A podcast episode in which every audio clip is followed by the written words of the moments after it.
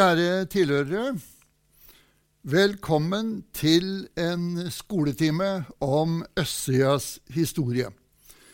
Vi skal møte to personer, Anne Grete Født Larsen og Sverre Jensen. Og så får vi la de to representere de tusenvis av menneskene som har bodd og levd og jobba og stritt på det vi kaller østsiden. Vibeke Løkkeberg, filmskaperen, uttalte hvis man skal vite hvem man er, må man også kjenne sin slekt og sin egen bakgrunn. Og det får være vår bakgrunn for den vandringa gjennom historien.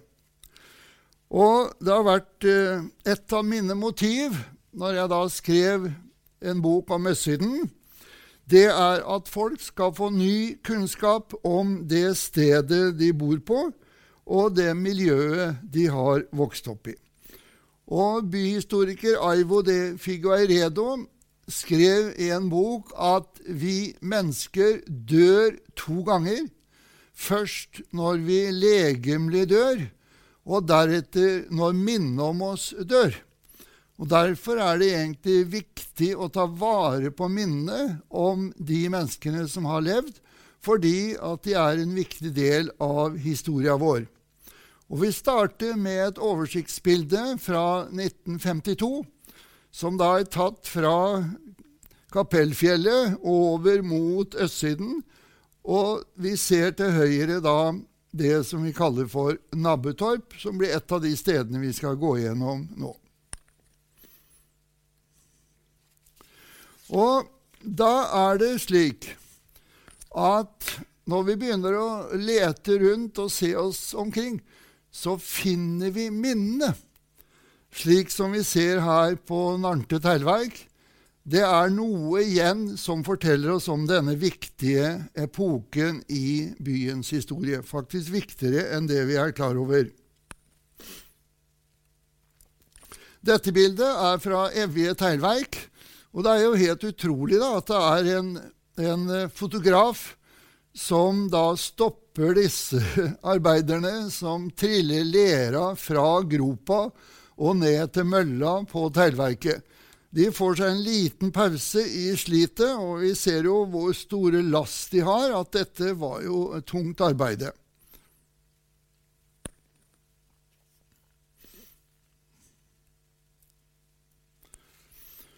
Nabbetorp er nok et av de mest typiske arbeiderstrøkene vi fremdeles har igjen i Fredrikstad. Og da med positive fortegn. Og denne historia handler om vanlige, alminnelige mennesker som etablerte nye lokalsamfunn. Det ble skoler, det ble forsamlingshus, det ble foreninger, og ikke minst ble det butikker. Og bare i Nabbetorpveien, når vi kommer til eh, Nabbetorp sentrum, holdt jeg på å si, eller Sinningbjerget som det også ble kalt, så lå det til sammen 13 forretninger bare på den lille veistrekningen gjennom Nabbetorp. Det er jo helt utrolig. Og i dag er det jo ingen igjen.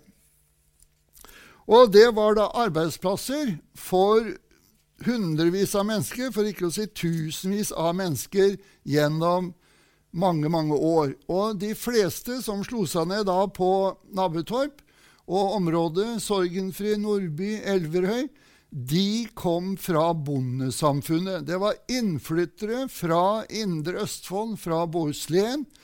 Og de aller, aller fleste hadde altså bakgrunn fra bondemiljøene rundt omkring. Og hvorfor kom alle disse menneskene? Jo, fordi at på landsbygda så var det overbefolkning. Det krydde av unger rundt omkring, og det var ikke arbeid å få. Man hadde oppretta husmannsplasser for å løse noe av problemet, men det holdt ikke.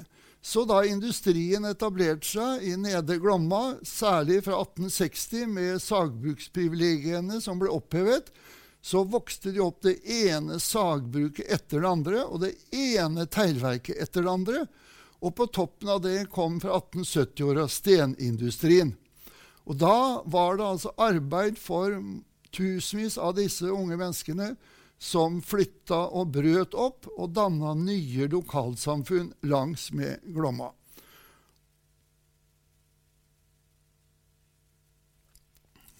Her har vi et uh, utrolig morsomt bilde.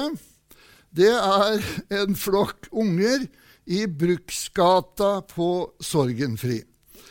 Og de har samlet seg. Dette er uh, sånn ca. 1940. Og hun som jeg har intervjuet og fortalt mye, det er den lyse jenta som står nummer to fra venstre foran, Anne Grete Larsen, som ble gift Andresen. Og dette er hennes slekt, det er hennes naboer, som har samlet seg, og de er så stolte av de nye barnevognene. Og Anne Grete ble født i 1933, bodde da i Bruksgata 6. Og som hun sier, hun ble hjemmefødt av jordmor Heie. Det var også en jordmor til, jordmor Mathisen. Hun hadde egen fødeavdeling med sengepost. Men uh, mora til Anne Grete mente det var tryggere å føde hjemme. Og vi har da disse ungene, og som sagt, barnevognene hører med. Og en har jo da ei dokke bak der. Hun het Berit Hauglin. Og det er tatt nede ved et sted som heter Kloppa, som er fra Sorgenfri hovedgård ned mot Bruksgata.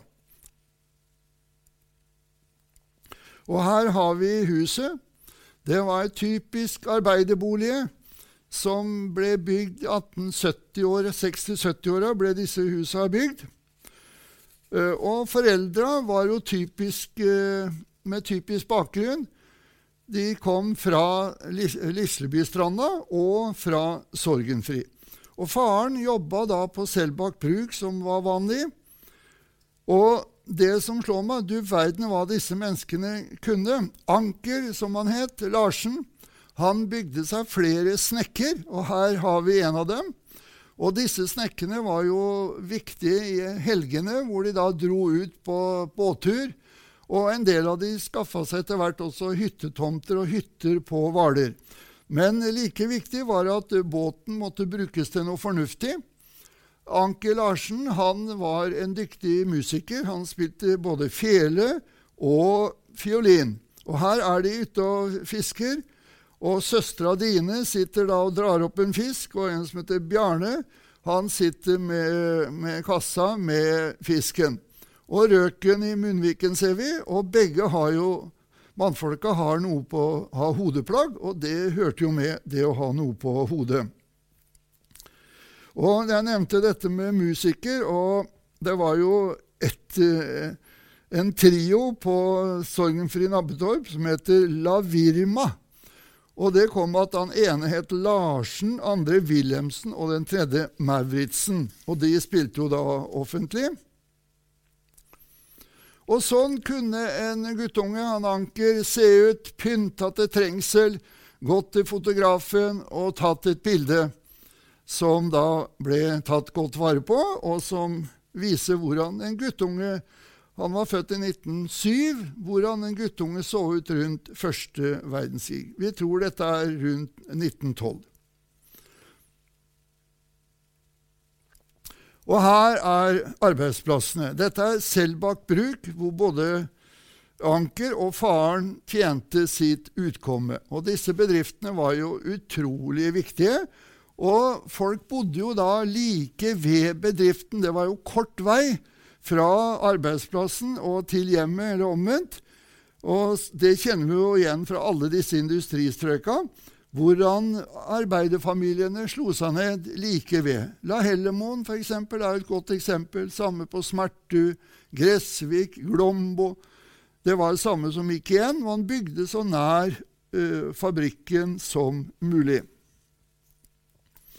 Men det var ikke alle som satsa på industrien. Noen yngre søsken, eller, ja, søsken de utvandra til Amerika. Og vi fikk jo en stor utvandring like før første verdenskrig.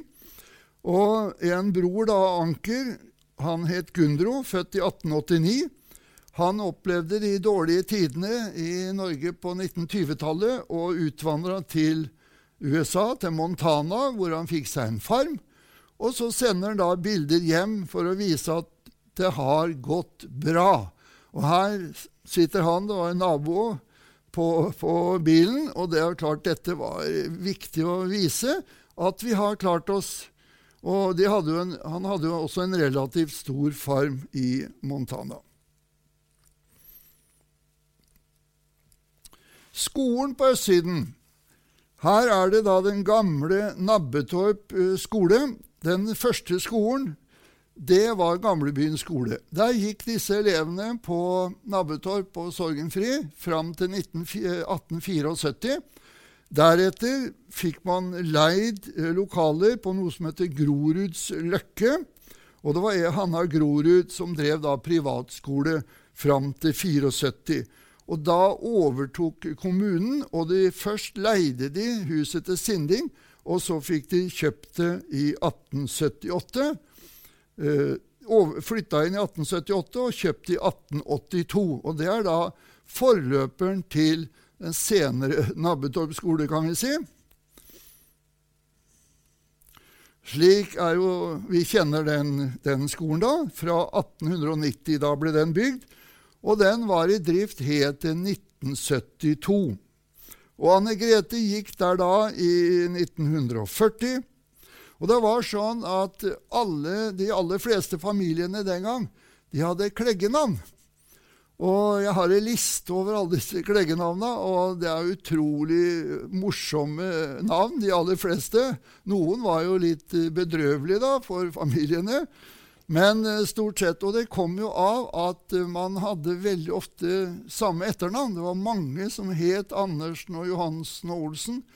Og Derfor måtte man på en måte klare å skille folk. Spesielt kanskje når legen kom da, og skulle spørre etter en person, og ingen kjente den, fordi de kjente jo bare kleggenavnet.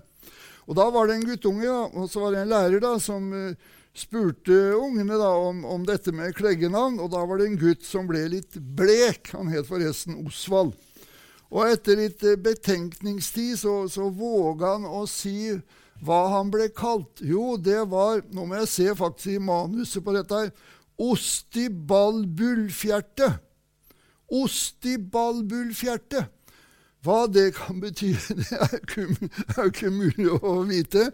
Men vi er vel enige om det at uh, vi hadde vel holdt munn om hadde vi hatt noe tilsvarende navn som det der. Så kom krigen. Og 11. april så var det jo kaos omtrent i Fredrikstad og selvsagt alle andre steder òg. Man var redd for bombing, og det ble evakuering. Og folk på Sorgenfri, de, en del av de evakuerte. Det var en vognmann som hadde hest og vogn. Og folk satte seg der, til og med gamle bestemora ble med. De kjørte ut til Visur gård i Borge. Der ble det innlosjert i et bryggerhus. En masse folk. Det lå to, tre, fire i hver seng. Og dette var jo ikke særlig artig for bondene på Visur, men etter noen dager så kunne de da reise hjem. Og når da ungene kom tilbake til Sorgenfri, så oppdaga de at de tyskerne som hadde kommet, de hadde kjøpt opp alt godteri i butikken til Edvardsen. Og det var en skikkelig nedtur. Og det ble jo tyskere i det området da gjennom hele krigen. Og en av de forteller Anne han var så interessert i fotball så han ble ofte stående på, ved siden av ei lita løkke hvor ungene spilte fotball, og hadde glede av å se på det. Så kom da freden, og ungene på Nordby markerer den som vi ser her. Med, de har funnet fram sine norske flagg, og de markerer og jubler. Nå er det fred. Og helt til venstre er det visstnok en som står og tar opp armen og vinker til fotografen. Og en del av de vi har på det bildet, har vi da etter hvert fått eh, navn på. Og vi ser Nordby går opp til høyre på toppen der. Og ei fane har til og med kommet fram. Og dette var jo dagen man så fram til gjennom hele eh, krig og okkupasjon. Og dette er jo en lykkelig dag, og det er jo fantastisk at man fikk tatt vare på at man fikk tatt bilde av dette her, og har tatt vare på det. Ja, det heter jo Sorgenfri, dette området her. Og hva kommer det av? Jo, det kommer av den gården som vi ser våningshuset på her, som fikk navnet Sorgenfri. Og det var et populært navn på den tiden. Det kom jo fra Sanssouci, eh, tyske, eh, prøyssiske slottet, altså uten bekymring. Og vi kjenner jo det i mange sammenhenger, bl.a. Ekheim på Krokke. Det het akkurat det samme før det ble døpt om. Her var det Mossin, Mossing, som var teglverksdisponent, anla teglverk. Han bygde opp dette, dette gårdsbruket. Og i selve våningshuset der bodde jo etter hvert eh, formennene på teglverket. Og så leide man ut eh, uthuset, som vi skal se bilde av etterpå. Det er en fantastisk eh, praktfull eiendom. Som jeg sa, Den ble anlagt i 1840-åra og ble, var i bruk da som, som bolig for formennene. Etter hvert så overtok eh, Otterstad teglverket, og verket fikk da navnet Otterstadverket. Og Sorgenfri eh, hovedgård fikk navnet Otterstadgården. Den ble jo da forpakta bort med etter hvert da, jordbruket.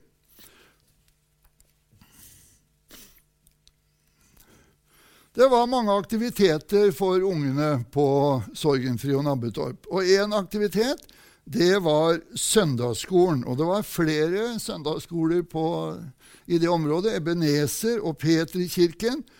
Og alle ungene gikk på søndagsskolen. Selv om kanskje foreldra var radikalt politisk, så ble ungene sendt i, på søndagsskolen. Og vi vet jo det var kanskje den eneste anledningen i uka hvor foreldra kunne være alene. Så da var det viktig. Og det var tre søstre i Hauglin. De drev en forening, eller en klubb for jenter, som het Finnmarkens Venn. Hvor de da samlet inn penger til nødlidende i Finnmark. Og de satte veldig strenge krav til disse jentene som var med, og de ble nok nøye fulgt opp, alltid oppført seg ordentlig. Og De drev med håndarbeid, strikking, brodering, og det ble loddet ut av på en svær basar på Ebenezer. På Peterkirken så hadde de fått eh, Det var jo metodister. Der hadde de fått en veldig populær prest, og han var så populær at eh, en god del av damene i den menigheten de ville jo prøve å innynde seg hos denne presten, da, selv om han var gift. Så de satte i gang da å brodere puter til presten. Og det var vel kanskje ikke så, så ble ikke så godt mottatt da, kanskje av kona til presten. Det tok den iallfall slutt. Men det var i hvert fall en utrolig populær eh, prest. da. Så flytta Anne Grete og familien i 1949 fra Bruksgata til Galtungveien 48, et hus som blir kalt for Finstadgården, fordi at uh, de som bodde der, og for så vidt uh, slekta til Anne Grete, de kom fra gården Finnestad i Tune. Og der flyttet de inn, og bodde der da også etter at hun hadde gifta seg, før de flytta ut på Gressvik. Og huset og dette ligger jo fortsatt der i dag og er en del av det vi kaller sarpestuene. Og det var jo sånn at når Galtung oppretta sitt sagbruk, så trengte man fagarbeidere, dvs. Si eldre, erfarne sagbruksarbeidere som kunne gå inn i eh, ledende stillinger på bruket, som sagmester osv. Og, og for å tiltrekke seg disse arbeiderne så måtte man tilby boliger. Og da ble det bygd i 1868 eh, boliger langs med Galtungveien. De var så like ut alle sammen. Og ved loddtrekning så kunne da arbeiderne få en bolig. Og svært ofte så var det to familier i hver bolig de første åra. Senere fikk man kjøpt disse boligene, og vi kaller dem for sarpestuer. Og det kom at de aller fleste av disse som overtok husa etter hvert, de kom fra Hafslund, fra Sarp i Hafslund. Og det var altså fagarbeidere fra vannsagene ved, ved Sarpefossen og ved Solhjelva. Og de gikk da inn i, som jeg sa, ledende stillinger i de nye sagbruka.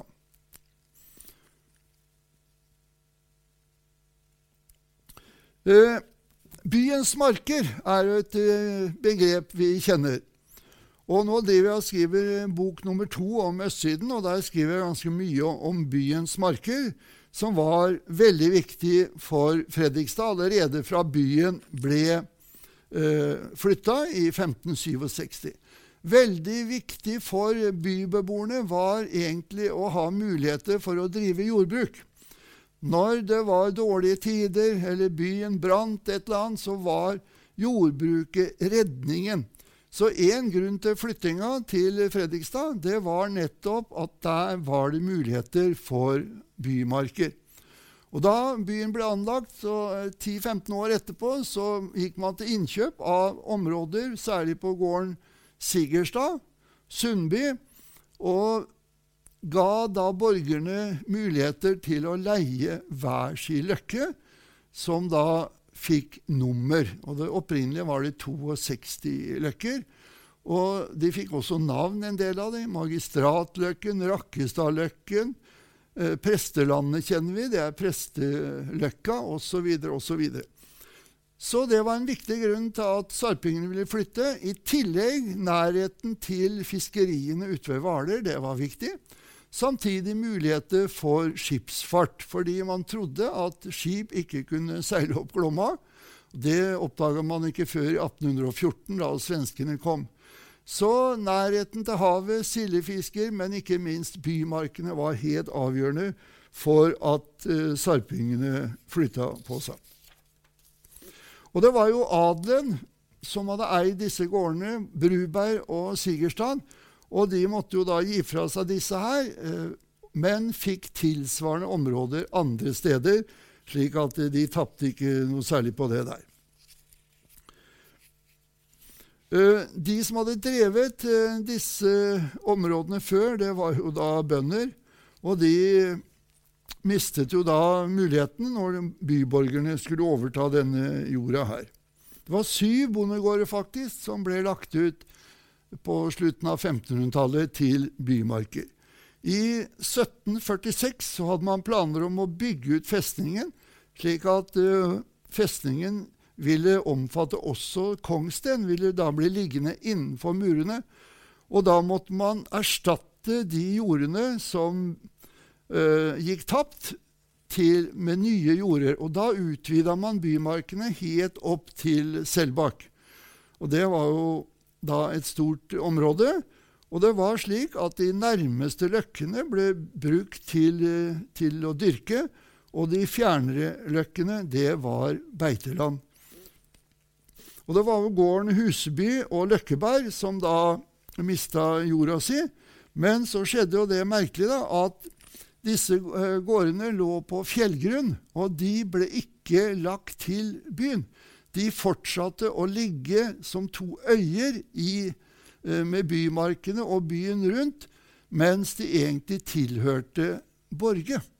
Og det holdt seg helt til 1950-åra, før da Huseby og Løkkeberg gikk til eh, Fredrikstad. Så det var en merkelig ordning. Og, og, komplisert, fordi at ungene som bodde på disse her, måtte jo da gå på skoler eh, på Kjølberg. Og en av de løkkene det var jo den som etter hvert fikk navnet Fjelstad, som vi kjenner fra 1840-åra. Da kom det en familie som het Mo. Laura og Ole Mo de overtok og kjøpte den i 1868. Og Da lå det et 200 år gammelt hus der altså et hus fra 1600-tallet som ble antagelig revet. Men det er typisk eh, løkkebruk, slik som det var alle disse andre løkkene som lå rundt. Og her har vi en av disse vi skal snakke litt om. Det er Sverre Jensen. Han var tellagsarbeider hele livet sitt, og han ble intervjua i 1949 av Klaus Hagerup og Bjørn Enger.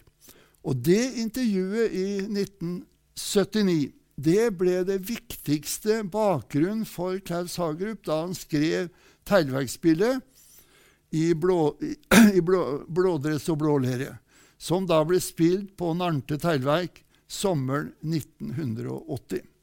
Så det intervjuet var helt avgjørende for det skuespillet. Unnskyld brillene, men jeg bør nok eh, se litt skikkelig. Han var født på Nordby i 1898. Foreldra kom begge to fra Rakkestad, fra bondemiljøer i Rakkestad. Og de flyttet inn da i Sarpestuene.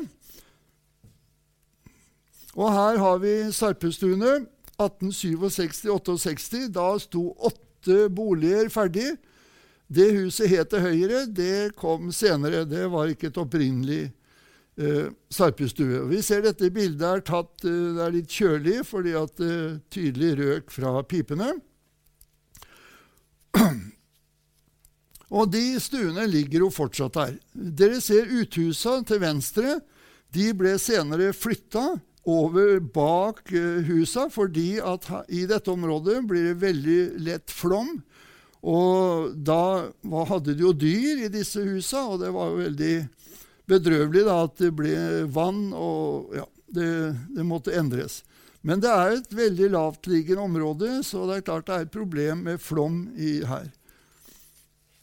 Og det var jo knubbehus, da. Og knubb det er jo da lere som brukes som bindemiddel. Og med fuktighet så var ikke det noe særlig bra. Og det var her han eh, Sverre begynte å jobbe, på Narnte teglverk.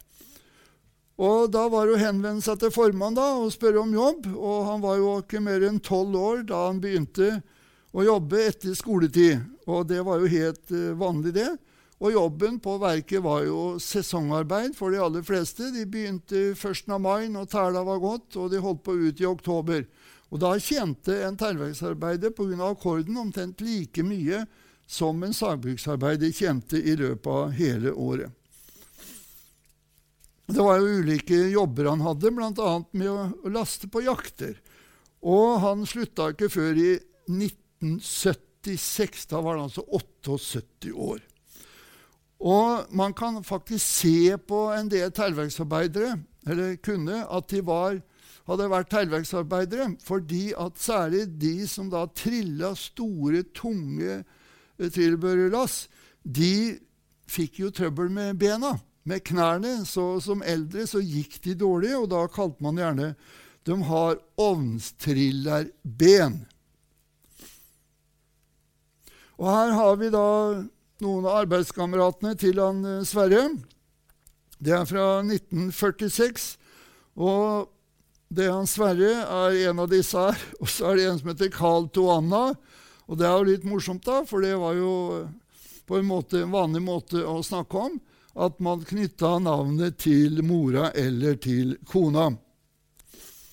Ja, det er mye jeg kunne tatt opp når det gjelder østsiden. Det er en viktig del av historia vår.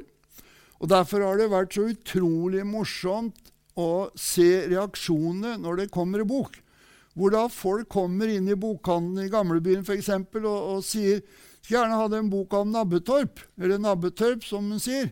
Så sier han Lars Dale nei, det er nok ikke egen bok om Nabbetorp, men det er en bok om øst... Ja, jeg skal ha den boka om østsiden, for der er bilde av besteforeldrene mine. Og når du da får en sånn tilbakemelding, så ser du at du har lykkes. For da knytter du historia til mennesker. Og det er det som er utrolig viktig. At man opplever at mine besteforeldre og foreldre har en historie som det er viktig å ta vare på. Og vi har et miljø som er viktig å ta vare på. Og det er vårt ansvar i dag. Det er mye jeg kunne snakke om. Jeg kunne snakke om Losje Sankthans, som var kanskje den viktigste institusjonen i området. Og Det er så spesielt med det området fordi at det er veldig radikalisert. Det er vel ikke et sted hvor Norges Kommunistparti sto så sterkt som i dette området. Og Odd Ragnar Kristiansen, som jeg intervjua, vokste opp i Narntegata 17. Han sa de holdt friheten i omtrent annethvert hus. Men så hadde du på den andre, motsatte siden hadde da en veldig sterk indremisjonsbevegelse. Så du hadde for så vidt to ulike ytterpoler. Men losjen, det var fellesskapet. Der lærte man foreningsvirksomhet, skrive protokoller, holde innlegg. Altså et arnested for en politisk bevisstgjøring av folk. som, som da losjen var. Eh, jeg kunne snakka om idrettslaga, altså en masse ting man egentlig kunne snakke om. Men det får bli neste historie. Og nå er jeg da faktisk i gang med å skrive det neste, men først må vi jo si det var jo en del personer som skilte seg ut også i et lokalmiljø. Og det veldig mange forteller om, det er De kaller dem for loffere. Og vi kan jo kalle dem for byoriginaler. Og de var jo en god del av. Og de holdt jo gjerne til på teglverkene, fordi at der kunne de varme seg på ommene. Og en av de var jo en Kortiben, som er jo en berømt person som var fantastisk poet. Han snakka på rim og var utrolig eh, glup hukommelse, regneferdigheter osv. Han døde på Selbakk i 1923. Og så var det en dag han Kortiben Korteben var på vei fra Nabbetorp til byen.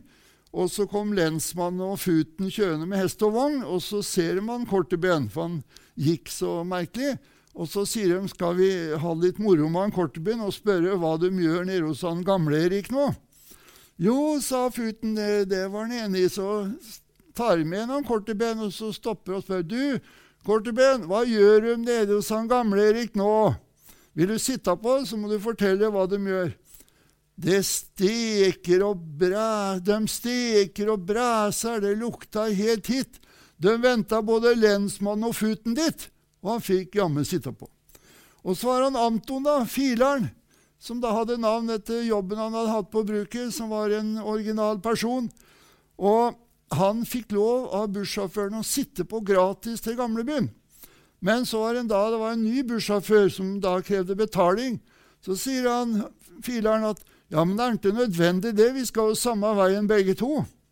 Men så gikk livet litt imot den, så en dag så er det noen som ser han går opp til verket med en rull med tau over skuldra. Ja, de syntes jo det var merkelig. Og dagen etterpå, når de kom på jobb, da, så ser man henger i tauet. vet du, Han har hengt seg. Men så sier en, 'Hva har du gjort nå?' 'Nei, jeg har hengt meg.' Ja, men du skjønner, det, det, det går ikke an å henge seg med tauet under ermene. Du må ha det rundt halsen. Ja men, ja, men det kan jeg ikke, for da daua jeg jo. Så det gikk ikke. Eller en annen gang, da. Han eh, spør har du noen småpenger til Toffen? Han skal ha noen penger til kaffen.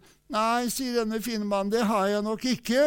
Jeg, de kan nok ikke Jeg har bare store penger. Ja, men det er ikke noe problem, sa Anton. Jeg kan veksle, altså. Så en annen kar på Nabbetorp som hadde dårlig råd. Og så fikk han en glup idé. Han så bestemte seg for å holde utlodning. Han hadde veldig fin klokke. Og en dag kommer Unger forbi, direktøren på Unger Fabrikker, og så roper han du, unger, kan du tenke deg å ta, ta et lodd på klokka mi? Ja, det kunne jo. Hadde jo 25 øre. Det var greit. Og det varte og det rakk. Og en dag så treffer unger den derre karen. Åssen gikk det med den utlodninga, det? Nei, dægen sann, trunt, det var jeg som vant, da, gitt. Så det ble ikke noe. Vel, det er mye mer vi kunne snakke om. Det er spennende historie, og det er viktig å ta vare på. Tenk hvordan det så ut på Katrine Borg. Et ut største bondegården i Fredrikstad, 400 mål, som ble da overtatt av staten og militæret. Her har vi den gamle veien opp til Nabbetorp, og det er omtrent der hvor Fredrikstadbrua går over i dag. Se på det utrolig morsomme bildet. Her har vi inngangen til Nabbetorp, med butikken til Klara og en Garman og så Gulliksen til høyre, og så har vi Narntegata til venstre. Og sånn så det ut, da. Her har vi Nabbetorp eh, skole og han Trond og broren Arild. Og det er sånn ca. 1955. Og da er vi ved veis ende. Takk for meg.